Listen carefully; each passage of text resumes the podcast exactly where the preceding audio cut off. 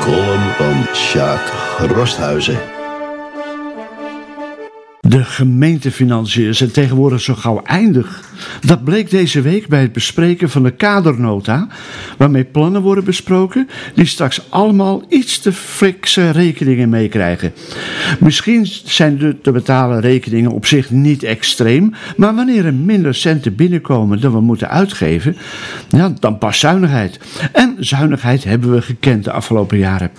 Dat komt door de landelijke overheid. Die houdt de hand op de knip en stuurt de gemeente van ons land het bos in met de mededeling: ja, zoek dat zelf maar uit. Wat we alom horen is dat bijvoorbeeld de kosten voor de jeugdzorg niet meer op te brengen zijn. De jeugd van tegenwoordig is een zootje ongeregeld met problemen die om oplossingen schreeuwen. En omdat die oplossingen allemaal buitenshuis gezocht moeten worden, kost dat klauwen met geld. En natuurlijk zijn er meer ruimtevragers.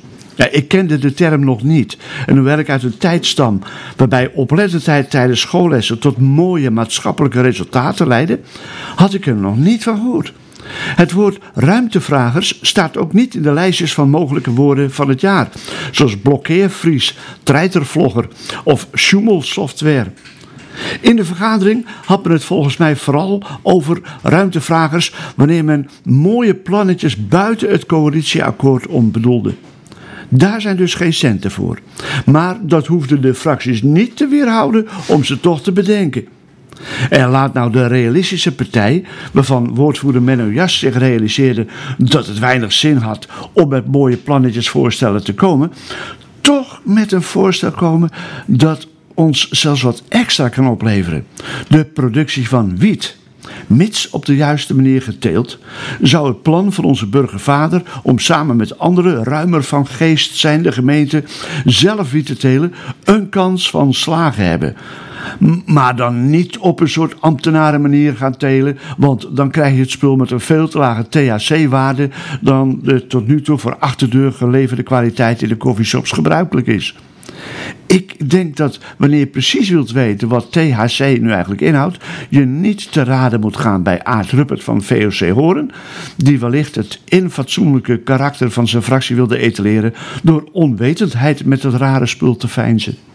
Nee, heb je vragen over wiet en hoe dat moet zijn, dan kun je bij Menno terecht. Of bij de mensen die hij kent.